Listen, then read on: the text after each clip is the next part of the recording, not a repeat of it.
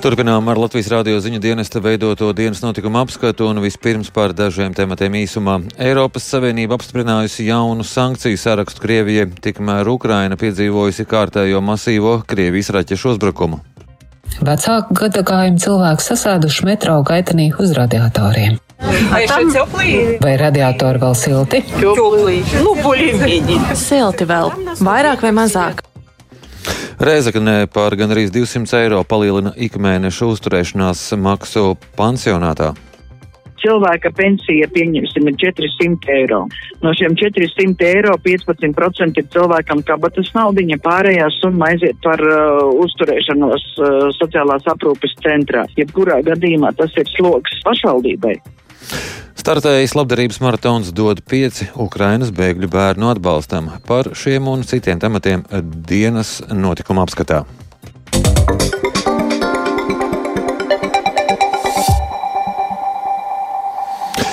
Krievija veikusi kārtējo masveida raķešu triecienu pa Ukrainas teritoriju, to starp galvaspilsētu Kīvu. No gandrīz 80 raidītajām raķetēm mērķi sasniegušas vien aptuveni 15, taču bojājumi infrastruktūrai kārtējo reizi ir pasliktinājuši jau tā neapskaužamo Ukrainas iedzīvotāju stāvokli. Uzbrukumi notikuši dienā, kad par jau devīto sankciju paketi pret Krieviju vienojusies arī Eiropas Savienība. Vienlaikus kļuvis zināms, ka Krievijas prezidents Vladimirs Putins nākamās nedēļas sākumā apmeklēs Baltkrieviju. Vairāk stāsta Uģis Lībietis. Kopumā pa Ukrainas teritoriju šodien tika izšautas 76 raķetes. No tām 72 bijušas pārnotās raķetes, bet 4 vadāmās aviācijas raķetes. Par to paziņoja Ukrainas bruņoto spēku virspavēlnieks Valērijas Zalūžnīs, kurš arī pastāstījis, ka pretgaisa aizsardzības spēkiem ir izdevies notriekt 60 no tām. 40 raķešu bijušas vērstas pret galvaspilsētu Kijevu, un tas ir viens no masveidīgākajiem triecieniem kopš Krievijas iebrukuma sākuma februārī. Masveida trieciens bija vērsts arī pret Zaporīžu un Krieviju ir cietušie. Kārtējos postījumus piedzīvojas arī Harkiva, kuras mērs Igors Terehovs aicinājis iedzīvotājus pret notiekošo izturēties ar izpratni.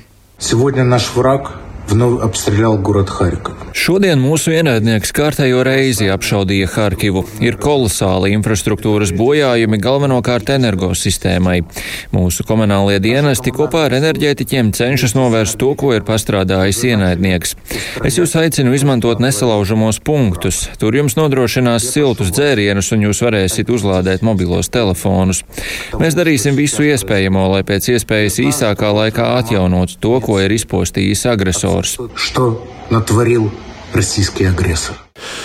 Kā paziņojuši kompānijas Ukrenergo pārstāvji, vislielākos bojājumus raķešu triecieni nodarījuši valsts ziemeļu, dienvidu un centrālajos reģionos. Arī šoreiz par mērķiem izvēlēti maģistrālie tīkli un koģenerācijas stacijas. Lai arī elektrosistēma kopumā darbojoties sabalansēti, tajā joprojām ir vērojams ievērojams deficīts un elektroapgādes atjaunošana tagad var prasīt vēl daudz vairāk laika. Tikmēr vairāk Ukraiņas preses izdevumi ziņo, ka, piemēram, okupētajā Mariupolē pēdējās dienās tiek novērota Krievijas militārās tehnikas pārvietošanās aktivizācija. Bruņu transportieri, haubits un dzīvās spēku vienības dodas Zaporīžas virzienā. Pilsētā esot ieradušās arī homonu vienības no Sanktpēterburgas, kas sākušas patrulēšanu ielās. Tāpat pilsētā tiek izvietotas jaunas pretgaisa aizsardzības sistēmas. Savukārt okupētajās Melitopolē un Berģānskā okupācijas varas iestādes pirmssvētku laikā esot ieviesušas 24 stundu komandantu stundu. Uzbrukumi Ukrainai notikuši vien dažas stundas pirms Eiropas Savienības lēmuma apstiprināt jau devīto sankciju paketi pret Krieviju. Eiropas Savienības paziņojumā uzsvērts, ka pēc tam, kad Putins ir mēģinājis izmantot kā ieroci preces un pārtiku, tagad kā spiediens tiek izmantots mēģinājums atslēgt ūdeni, elektrību un apkuri. Šīs sankcijas ir atbilde uz Krievijas rīcību. Jaunās sankcijas ierobežos divējādas nozīmes preču un tehnoloģiju ekspertu. Tāpat ievērojami palielināts saraksts ar tiem sankcijām pakļautajiem subjektiem, kuri ir saistīti ar Krievijas militāro sektoru. Lai izvairītos no sankciju apiešanas, sankciju sarakstā iekļauts arī vairākas okupētajā Krimā un Sevastopolē bāzētas Krievijas kontrolētās organizācijas. Cita starpā Eiropadoma ir ierosinājusi apturēt raidīšanas licenci četriem Krievijas kanāliem - NTV, NTV Mir, Resija 1, RNTV un Pirmajam kanālam. Tikmēr ir kļuvis zināms, ka nākamajā pirmdienā Baltkrievijā ieradīsies Krievijas prezidents Vladimirs Putins, un tā būs viņa pirmā viesošanās Minskā trīs ar pus gadu laikā. Uz tikšanos ar Baltkrievijas autoritāro līderi Aleksandru Lukašenko paredzējusi ierasties arī plaša valdības delegācija lai arī sarunu uzmanības centrā tikšot apspriest jautājumu par sasniegto progresu Savienības valsts sadarbības procesos. Daudz uzmanības, protams, tiks pievērsts arī drošības jautājumiem. Nevelti pēdējā laikā arvien biežāk izskan bažas, ka Krievija varētu izmantot Baltkrievijas teritoriju un iespējams arī tās militāros spēkus uzbrukumu pastiprināšanai pret Ukrainu. Uģis Lībijams, Latvijas Radio. Sākoties gaisa trauksmei Kīvā, šodien tūkstošiem cilvēku pulcējās Kīvas metro, ko uzlidojuma laikā izmanto kā patvērtni, stāsta Indra Sprānce no Kīvas. Kā novēroja Latvijas radio, Kīvas iedzīvotāji kārtējo gaisa trauksmi uzņēma mierīgi. Daudzi uz metro devās līdzi ņemot paliknīšu sēdēšanai uz zemes vai ar saviem soliņiem, līdzi lasāmie un enerģijas bankas, lai telefoni darbotos ilgāku laiku. Lai būtu siltāk, vecāku gadagājumu cilvēku sasēduši metro gaitenī uz radiatoriem. Vai radiatori vēl silti? Silti vēl, vairāk vai mazāk, bet tur uz trepēm sēž, ko citu lai dara. Kāds jums noskaņojums šobrīd? Normāli, gaidam uzvaru un ceram, jo vairāk mums palīdzēs, jo labāk būs. Metro kā drošāko vietu uzlidojumu pārlaišanai izvēlējušās arī ģimenes ar bērniem. Šeit ir drošāk, bērnam noteikti šeit ir drošāk. Mums skola šodien nav. Vispār mēs mācāmies tiešsaistē, bet, kad notiek masu apšaudes, mēs dodamies uz patvērtni un nodarbības turpinās pēc trauksmes atcelšanas. Kā novēroja Latvijas radio, līdz ar kārtējo Krievijas uzbrukumu Ukrainai pilsētas centrā šodien pazuda gan elektrība, gan ūdens ūdens, gan arī centrālā apkure. Indra Sprāns, Latvijas radio Kīvā.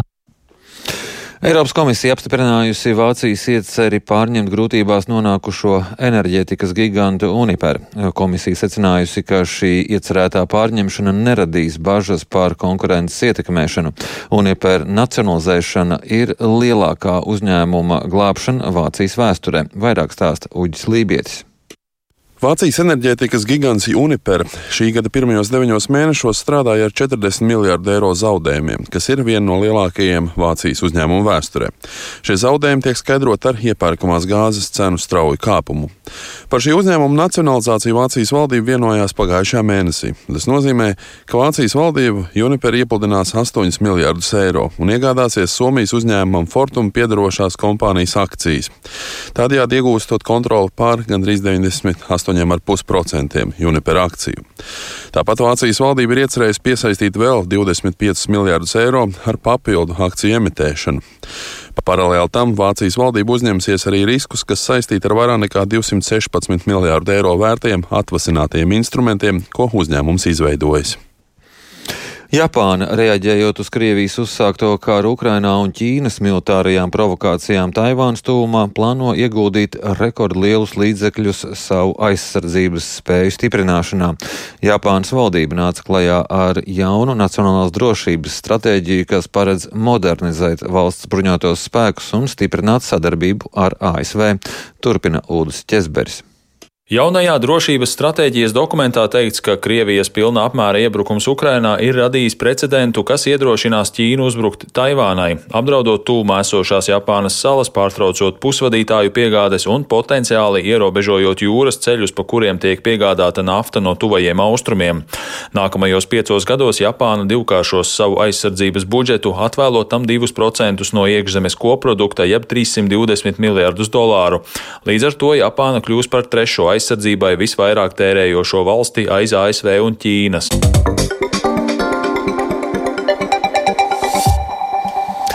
Latvijas Banka paaugstinājusi gada vidējās inflācijas prognozi šim gadam no 16,9 līdz 17,3%. Nākamajam gadam inflācijas prognoze palielināta no septembrī lēstajiem 9,2 līdz 10,9%. Latvijas Bankā norāda, ka inflācija Latvijā normalizējoties enerģijas cenām mazināsies, taču globālo pārtiks cenu pieaugums un algu kāpums varētu būt lielāks un uzturēt augstāku inflāciju inflāciju nekā lēsts. Latvijas banka samazinājusi Latvijas iekšzemes koprodukta pieauguma prognozi šim gadam no 3 līdz 2,1%. Nākamgad prognozē IKP kritumu par 0,3%. Reizeknē no nākamā gada pieaugs uzturēšanās maksa Reizeknes pansionātā. Arī Reizeknes novadā jau drīzumā lems par izmaiņām sociālo iestāžu cenrāžos.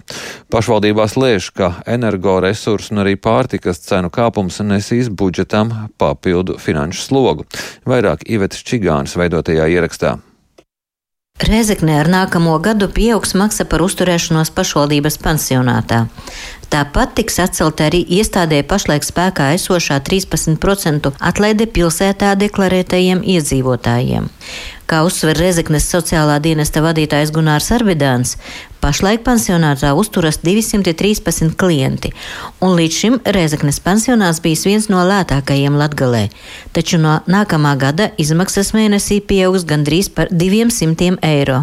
Būs 707 eh, eiro un 10 centi mēnesī. Par šo gadu bija maksas pakalpojums eh, ar atlaidi 13% pašvaldības iedzīvotājiem, senioriem un cilvēkiem ar invaliditāti bija 530, eh, citu pašvaldību iedzīvotājiem bija 612,86 centi. Latvijas civilikumā noteikts, ka par vecākiem jārūpējas viņu apgādniekiem, proti bērniem. Tas nozīmē, ka bērniem ir arī jānodrošina līdzfinansējums par vecāku uzturēšanos pansionātā. Gunārs Arbidāns atzīst, ka visbiežāk tomēr par to maksā pats klients, bet pārējo sec pašvaldība. Ja ņemam uh, to ciparu, cik uh, maksā paši klienti, ja piedzīvotāji pansionāti un apgādnieki, tad no, tātad no 213 tie ir 50 cilvēki. Un daļēji maksu par pakalpojumu veids 18 cilvēki personas. Pārējiem, lai pilnu summu piemaksā pašvaldība. Energoresursu sadārdzinājums, produktu, medikamentu cenu kāpums nepajokam satrauc Reizeknas noda sociālā dienesta vadītāju Silviju Strankali. Viņa uzsver, ka pašlaik runāt par to, cik lielas būs izmaksas sociālās aprūpes centrā, ir pāragri, taču jau tagad skaidrs, ka tieši pašvaldībai tas būs liels sloks. Reizeknas novadā mums ir uh, trīs tādas iestādes. Reizeknas novada sociālās aprūpes centrs ar trim struktūru vienībām - Strūžāni, Pilcene un Malta. Janvārī tiks uh, gatavots arī šīs jaunais izcenojums, kāds būs, jo patreiz arī pašvaldībai noslēgtas iepirkums par elektroenerģiju un izējot no tā visa, tad būs arī tā cena, nu, zināma varēs rēķināt arī tātad Viļānu, veselības un sociālās aprūpas centrs Viļāni, arī tātad tur uz to brīdi tiek gatavots tātad šis te projektiņš par izmaksām. Kā norāda Silvija Strankale Reizeknes novadā, tādu cilvēku pansionātos, par kuriem maksātu likumīgie apgādnieki, praktiski nav. Pašlaik sociālās aprūpes centrā mēneša uzturēšanās maksā 996 eiro jebkurā gadījumā tas ir sloks uh, pašvaldībai. Nu, ja cilvēka pensija, pieņemsim, ir 400 eiro, jā, no šiem 400 eiro 15% ir cilvēkam kabatas naudiņa, pārējā summa aiziet par uh, uzturēšanos uh, sociālās aprūpes centrā. Un, ja izmaksas ir 996, tā visa pārējā summa, tad to pašvaldība piemaksā par šo cilvēku. Pašlaik pansionātos Latgalē brīvu vietu nav. Reizeknes novada sociālais dienests meklē izmitināšanas vietu astoņiem novada iedzīvotājiem. Iveta Čigāne, Latvijas radio studija Latgalē. Kā uzsver pašvaldību savienībā, visdrīzāk lielākā daļa pašvaldību uz kopējā energoresursu cenu kāpuma fona būs spiestas palielināt maksu sociālajās iestādēs, pieaugs arī maksa par citiem sociālajiem pakalpojumiem. Situāciju komentē pašvaldību savienības pārstāve Ilze Rudzīte. Šīs visas cenu kāpums noteikti ietekmē sociālo pakalpojumu izmaksas It īpaši tas attiecas uz pakalpojumiem, kas ir ar izmitināšanu, nu, piemēram, sociālās aprūpes centri, jo šeit tā ietekme ir faktiski visās pozīcijās, kas veido pakalpojuma cenu, sākot no šiem apkures, ūdens, kanalizācijas pakalpojumiem, elektrība, plus, protams, liela ietekme ir arī nākamajā gadā paredzamajam minimālās algas kāpumam, tāpat medikamentu cenas, ēdienas cenas, tātad faktiski jebkurš šis cenu kāpums ietekmē pakalpojumu cenas un arī noteikti tas prasīs papildus līdzekļus no pašvaldību budžetiem. Cik man ir zināms, tad uh, daļā pašvaldību jau ir pieņēmušas lēmumus par uh, cenu pārskatīšanu, un tad noteikti ir uh, jārunā ar jauno labklājības ministru par tām iespējām, kādas tad ir, lai nodrošinātu pakalpojumu nepārtrauktību. Pašvaldību līmenī noteikti jāplāno un jārēķinās ar šiem papildus izdevumiem, jāpārskata droši vien arī pakalpojumu kopumā Iespējams, ir jāpārskata, kādus pakalpojumus nodrošina varbūt mazākā apmērā. Nu, tad, tad tā būs jau katras pašvaldības līmenī skatījums un redzējums par to, kā vispār var risināt šo situāciju. Jo kaut vai tikai, piemēram, minimālās algas palielināšana aprūpes mājās pakalpojumā vismaz pēc uh, pakalpojumu sniedzēju ziņām uh, palielina cenu par 24%. Ja? Tas ir tikai minimālās algas palielināšana, nemaz nerunājot par visu pārējo minēto. Tā ka šī ietekme būs ievērojama.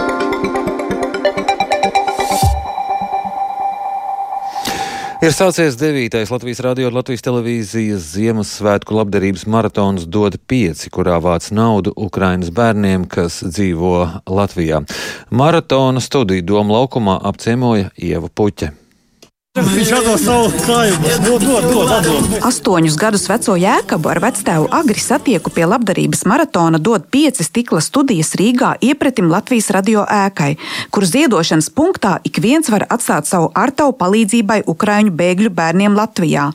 No šodienas līdz 22. decembrim Doma laukuma pieskandina ne tikai Ziemassvētku tirdziņu svētku melodijas, bet arī mūzika, intervijas un ziņas dod pieci studijā. Latvijas radio 5 pieci dīdžeja meitenes Linda Samsonova un Marta Grigale, kā arī no Ukrainas uz Latviju pārcēlies mūziķis Edgars Vilcāns, maratonu atklājot, šeit uzņēma valsts prezidentu Egilu Levitu un organizācijas Ziedot LV vadītāju Rūtu Dimantu. Šāds maratons notiek jau devīto reizi, un tā ziedojumi šoreiz nonāks kara bēgļu Ukraiņu ģimenēs, kurās ir bērni. Lūk, ko atklāšanas tiešraidē teica Rūta Dimanta. Liela daļa sabiedrības, kas ir pilnīgi normāli, jau karu uztver kā jauno normālo, mēs vairs ziņās tik ļoti nesakojam, ejam savās gaitās. Tas ir nu, no tādas izdzīvošanas viedokļa katram individam pareizi, bet no tā, ka mums cilvēcīgi tomēr jāpalīdz joprojām cilvēkiem, kuriem ir uzbrukusi agresīva kaimiņu valsts Krievija. Tieši tāpēc Ziemassvētkos mēs aicinām atcerēties, un ne tikai atcerēties, bet palīdzēt pašiem vājākajiem, kas karā vienmēr visvairāk cieši bērni. Tiešraides no studijas Doma laukumā turpināsies 6,5 diennaktis, jeb 158 stundas. Arī mājaslapā dod 5 LV iespējams ziedojumus Ukraiņu bērniem iemainīt pret dziesmu ierakstiem, kas radio un televīzijas dzīvajā ēterā izskan pamīšus ar ekspertu intervijām un mūziķu uzstāšanos bet Latvijas radio 5 radošais direktors Toms Grēviņš, kurš dod 5 ideju savulaik noskatījies pie kolēģiem Nīderlandē, šodien no labdarības maratona studijas devās 42 km skriešanas maratonā. Viņam uz brīdi pievienojās arī Ukrainas vēstnieks Latvijā Aleksandrs Miščenko. Grēviņš apņēmies veikt pa maratonam ikdienu. Ar katru skrējienu dod 5 kasē, ienesot papildus 10 000 eiro, ko ziedos dažādi uzņēmumi. Dod pieci norises pavadīs arī izsole. Var tikt pie alpīnista ledus cirtņa vai iespējas pavadīt nakti IKEA ekspozīcijas istabiņā. Sponsoru līdzekļu piesaistīšanai pat būs mēģinājums uzstādīt Guinnessa rekordu nedēļu braucot uz velotrenažiera. Taču, lai arī cik asprātīgi nebūtu veidi labdarības maratona finanšu kuplināšanai, tā jēga ir skaidri definēta - nodrošināt Ukraiņu bēgļu bērnu pamatvajadzības, kādas pat mūsu valsts nesautīgā palīdzība cilvēkiem, kas palikuši pilnīgi bez nekā, nevienmēr var sekt. Ziedot LV darbiniece Baiba Drone, uzrunāta caur dod pieci studijas lodziņu doma laukumā, atklāja, ko anketās labdarības maratona mājaslapā lūdz Ukraiņu vecāki un bērni. Ļoti praktiskas lietas, un es arī ar ļoti daudziem līdz šim esmu runājis. Bērniem, lai viņi varētu attālināt mācīties, trūkst planšetes, datori, prasa pārtiku, prasa ziemas zābakus, prasa lelli. Un ir arī globālas lietas, ko bērni prasa. Nu, viņi prasa, lai beigtos karš, lai viņi var atgriezties mājās. Visbriesmīgākais ir, ka viņi arī mm, saka, ka viņi vēlās, lai Ziemassvētkos nomirtu Putins. Pirmais ziedojums Doma laukuma studijā šorīt bijis 50 eiro. Sieviete pretim vēlējusies saņemt circenīšu Ziemassvētku atskaņojumu. Labdarības maratona lielais koncerts Reizeknas koncertzālē Kors, kas notiks rītvakar, arī dzen apmeklējums pret ziedojumiem. Bet akcijas bilanci varēsim uzzināt tās noslēguma dienā, 22. decembrī, tiešraidē Latvijas sabiedriskajos medijos Ieva Puķa, Latvijas radio. Līdz šim brīdim labdarības maratonā dod 5 saziedoti jau gandrīz 86 tūkstoši eiro.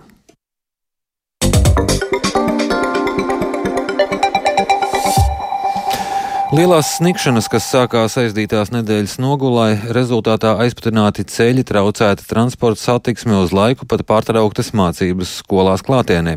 Latgalē vissaržģītākā situācija bija šīs nedēļas sākumā, plašāk Ivetas Čigānas veidotajā ierakstā. Labrīt, Latvijas radio. Cik ir kādi ceļi? Var bērnus atvest? Mm, manā maršrutā, kur braucu, ir burvīgi ceļi. Kas par maršrutu? Cirmas pagasts, Cirmas pagasts, jā. Lauku ceļi iztīrīti, jā.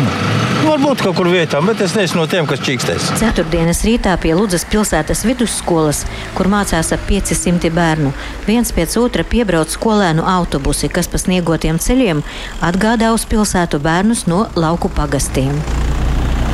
Lūdzas novadā ir deviņas skolas.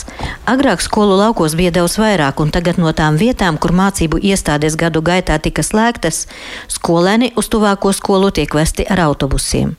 Lūdzas novadā ikdienu 28 maršrutos dodas 22 autobusi. Kā uzsver Lūdzas novada domas priekšsēdētājs Edgars Mekšs, pašvaldības prioritāte ir tieši tiem ceļiem, pa kuriem brauc skolēnu autobusi. Sniegšana bija ļoti intensīva. Un pirmā vakardienā mums gāja smagi. Pietiekami gan pilsētā, gan arī lauku teritorijā strādā visas iespējamās tehnikas vienības. Mums arī ir noslēgti līgumi ar uzņēmumiem. Dažos pagastos arī neizbrauca skolēnu autobuss. Tas bija Pildes, Ņukšu un Salnava. Nedēļas vidū situācija uz ceļiem jau bija uzlabojusies. Maršrutā 22 autobusi, kas skolēnus pārvadā. Šodien visi autobusi ir ierindā un arī Pagaidām eh, vēl varbūt kādi ceļi nav vēl iztīrīti, bet eh, skolēnu pārvadāšana notiek, un man nav šobrīd informācijas, ka kāds autobuss nebūtu izbraucis. Novadā par spīti apgrūtinātai nokļūšanai līdz skolai mācību process notika klātienē. Savukārt Rēzaknes novadā snikšana nedēļas sākumā kardinālāk ietekmēja vairāku mācību iestāžu darbu. Taču, kā uzsver Rēzaknes novada izglītības pārvaldes vadītājs Gunters Skudra, sniegs ziemā jau nav nekas īpašs, un mācību iestādes nepieciešamības gadījumā pašlaik var veikt mācības arī attālināti. No pusnakts uz pirmdienu jau pagasta ceļi tika tīrīti. Problēmas, protams, bija ar valsts ceļiem. Protams, mēs zinām, ka A klases ceļus tīra 3 stundu laikā, B klases 8 un C klases 24 stundu laikā, bet šie laiki arī nav tik precīzi, un valsts ceļi praktiski nebija iztīrīti visas dienas garumā pirmdien. Vairākās skolas gan Ludzas novadā, gan Rezeknas novadā skolēniem ir pieejamas dienesta viesnīcas vai internāti. Parasti iespēju palikt internātā izmanto skolēni, kuri dzīvo tālu no skolas. Taču ar skolas vadības ziņu te var palikt arī ekstremālu laika apstākļu gadījumā. Lai arī citviet Latvijā vēl joprojām snieg, Latgalē situācija ir uzlabojusies. Daudz viet gan pašvaldību, gan valsts ceļi lielākoties jau ir iztīrīti no sniega. Taču sinoptiķi nākamnedēļ sola atkalu, kad lauku ceļi būs bīstami slideni. Iveta Čigāni, Latvijas radio studija Latgalē. Dienas notikuma apskats izskan. Radījuma producents Viktors Pupiks ieraksts montēja Uldis Česberis, pieskaņa pults Kārlis Rašmanis, bet studijā Lauris Zvejnieks un vēl tikai par svarīgāko īsumā. Eiropas Savienība apstiprinājusi jaunu sankciju sarakstu Krievijai, tikmēr Ukraina piedzīvojusi kārtējo masīvo Krievijas raķešu uzbrukumu. Reizeknē par gandrīz 200 eiro palielina ikmēneša uzturēšanās maksu pansionātā. Startē labdarības maratons dod pieci Ukrainas bēgļu bērnu atbalstam. Mūsu ziņām var sekot līdzi arī Latvijas Rādio 1 Facebook lapā un LSMLV raidījuma atkārtojums meklējams raidierakstu platformā, kā dienas ziņas, un Latvijas radio, radio lietotnē mūs var klausīties savā vietas tālrunī jebkurā laikā un vietā. Yeah.